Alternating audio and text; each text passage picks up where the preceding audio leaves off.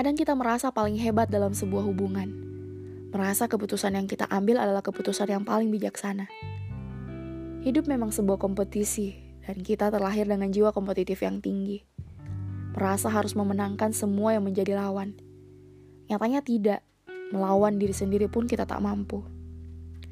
Larut dalam emosi, terhanyut dalam kesedihan, dan selalu mengutamakan diri sendiri alias egois. Padahal banyak yang harus kita sadari, seperti membedakan hal keinginan dan kebutuhan. Hakikatnya kita perlu membedakan hal mengalah dan melawan. Tentunya ada hal yang harus kita lawan, dan ada pula yang harus kita biarkan menang. Seperti kita harus melawan diri kita sendiri, keegoisan kita, dan rasa ingin memiliki yang tinggi. Dan hal yang harus kita biarkan menang, seperti argumen orang lain yang menjatuhkan kita.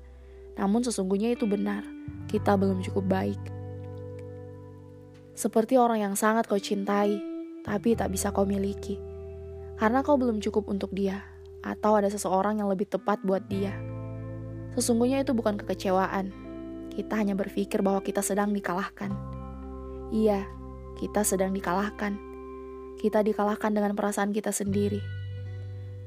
Mengapa kita tidak pernah sekalipun berpikir untuk mengalah, membiarkan hal yang baik terjadi? mengikhlaskan semua yang bukan seharusnya milik kita. Memang berat, namun bukankah seorang pemenang adalah ia yang pantas mendapatkan apa yang dia usahakan dengan cara yang baik? Pada akhirnya, kita dihadapkan dengan dua pilihan, yaitu terus menjadi kalah atau kau mau berusaha menjadi pemenang.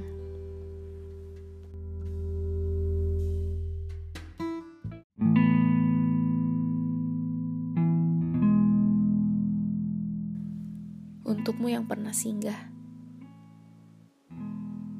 Saat itu kukira akulah orang yang sangat beruntung. Saat aku melabuhkan hati ke genggamanmu. Dengan penuh rasa percaya begitu tinggi harapan yang kubentangkan. Begitu mudah kau patahkan.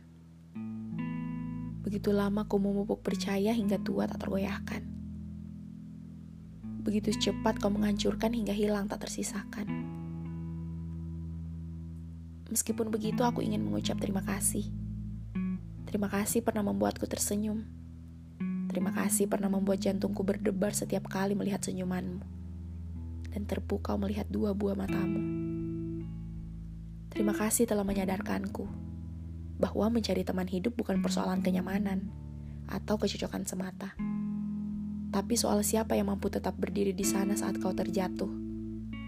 Siapa yang bisa menemanimu hingga rambutmu memutih dan siapa yang bisa menerimamu apa adanya. Karena kini aku bukan lagi senjamu. Aku adalah hujan yang jatuh terus-menerus membasahi tanah setelah tertiup angin dari tempat yang sangat jauh. Ini bukan salahmu atau dia. Aku saja yang terlalu larut dalam perasaan yang dulu begitu yakin tidak akan terjadi apa-apa. Tak perlu datang lagi atau sekedar meminta maaf Lupakan saja semua tentang kita. Kini aku sudah menemukan jalanku untuk pulang.